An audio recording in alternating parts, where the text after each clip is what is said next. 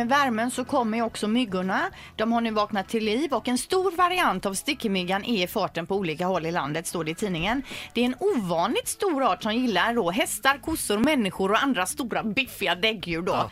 Eh, I Sverige finns omkring 3000 arter av mygg och ett 30-tal av dessa är då blodsugare, bland annat den här eh, jättestickmyggan då. Ja, men jätte, vad snackar vi då? Är det handsize eller hur stora snackar vi? Men kanske någon centimeter. Du hör när det närmar sig.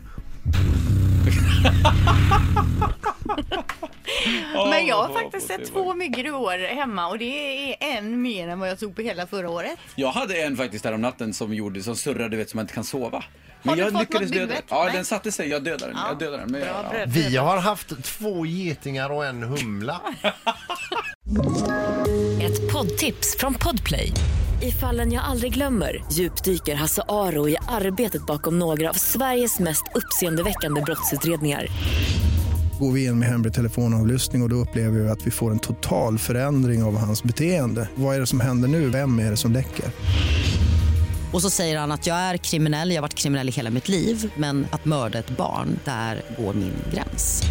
Nya säsongen av Fallen jag aldrig glömmer på Podplay.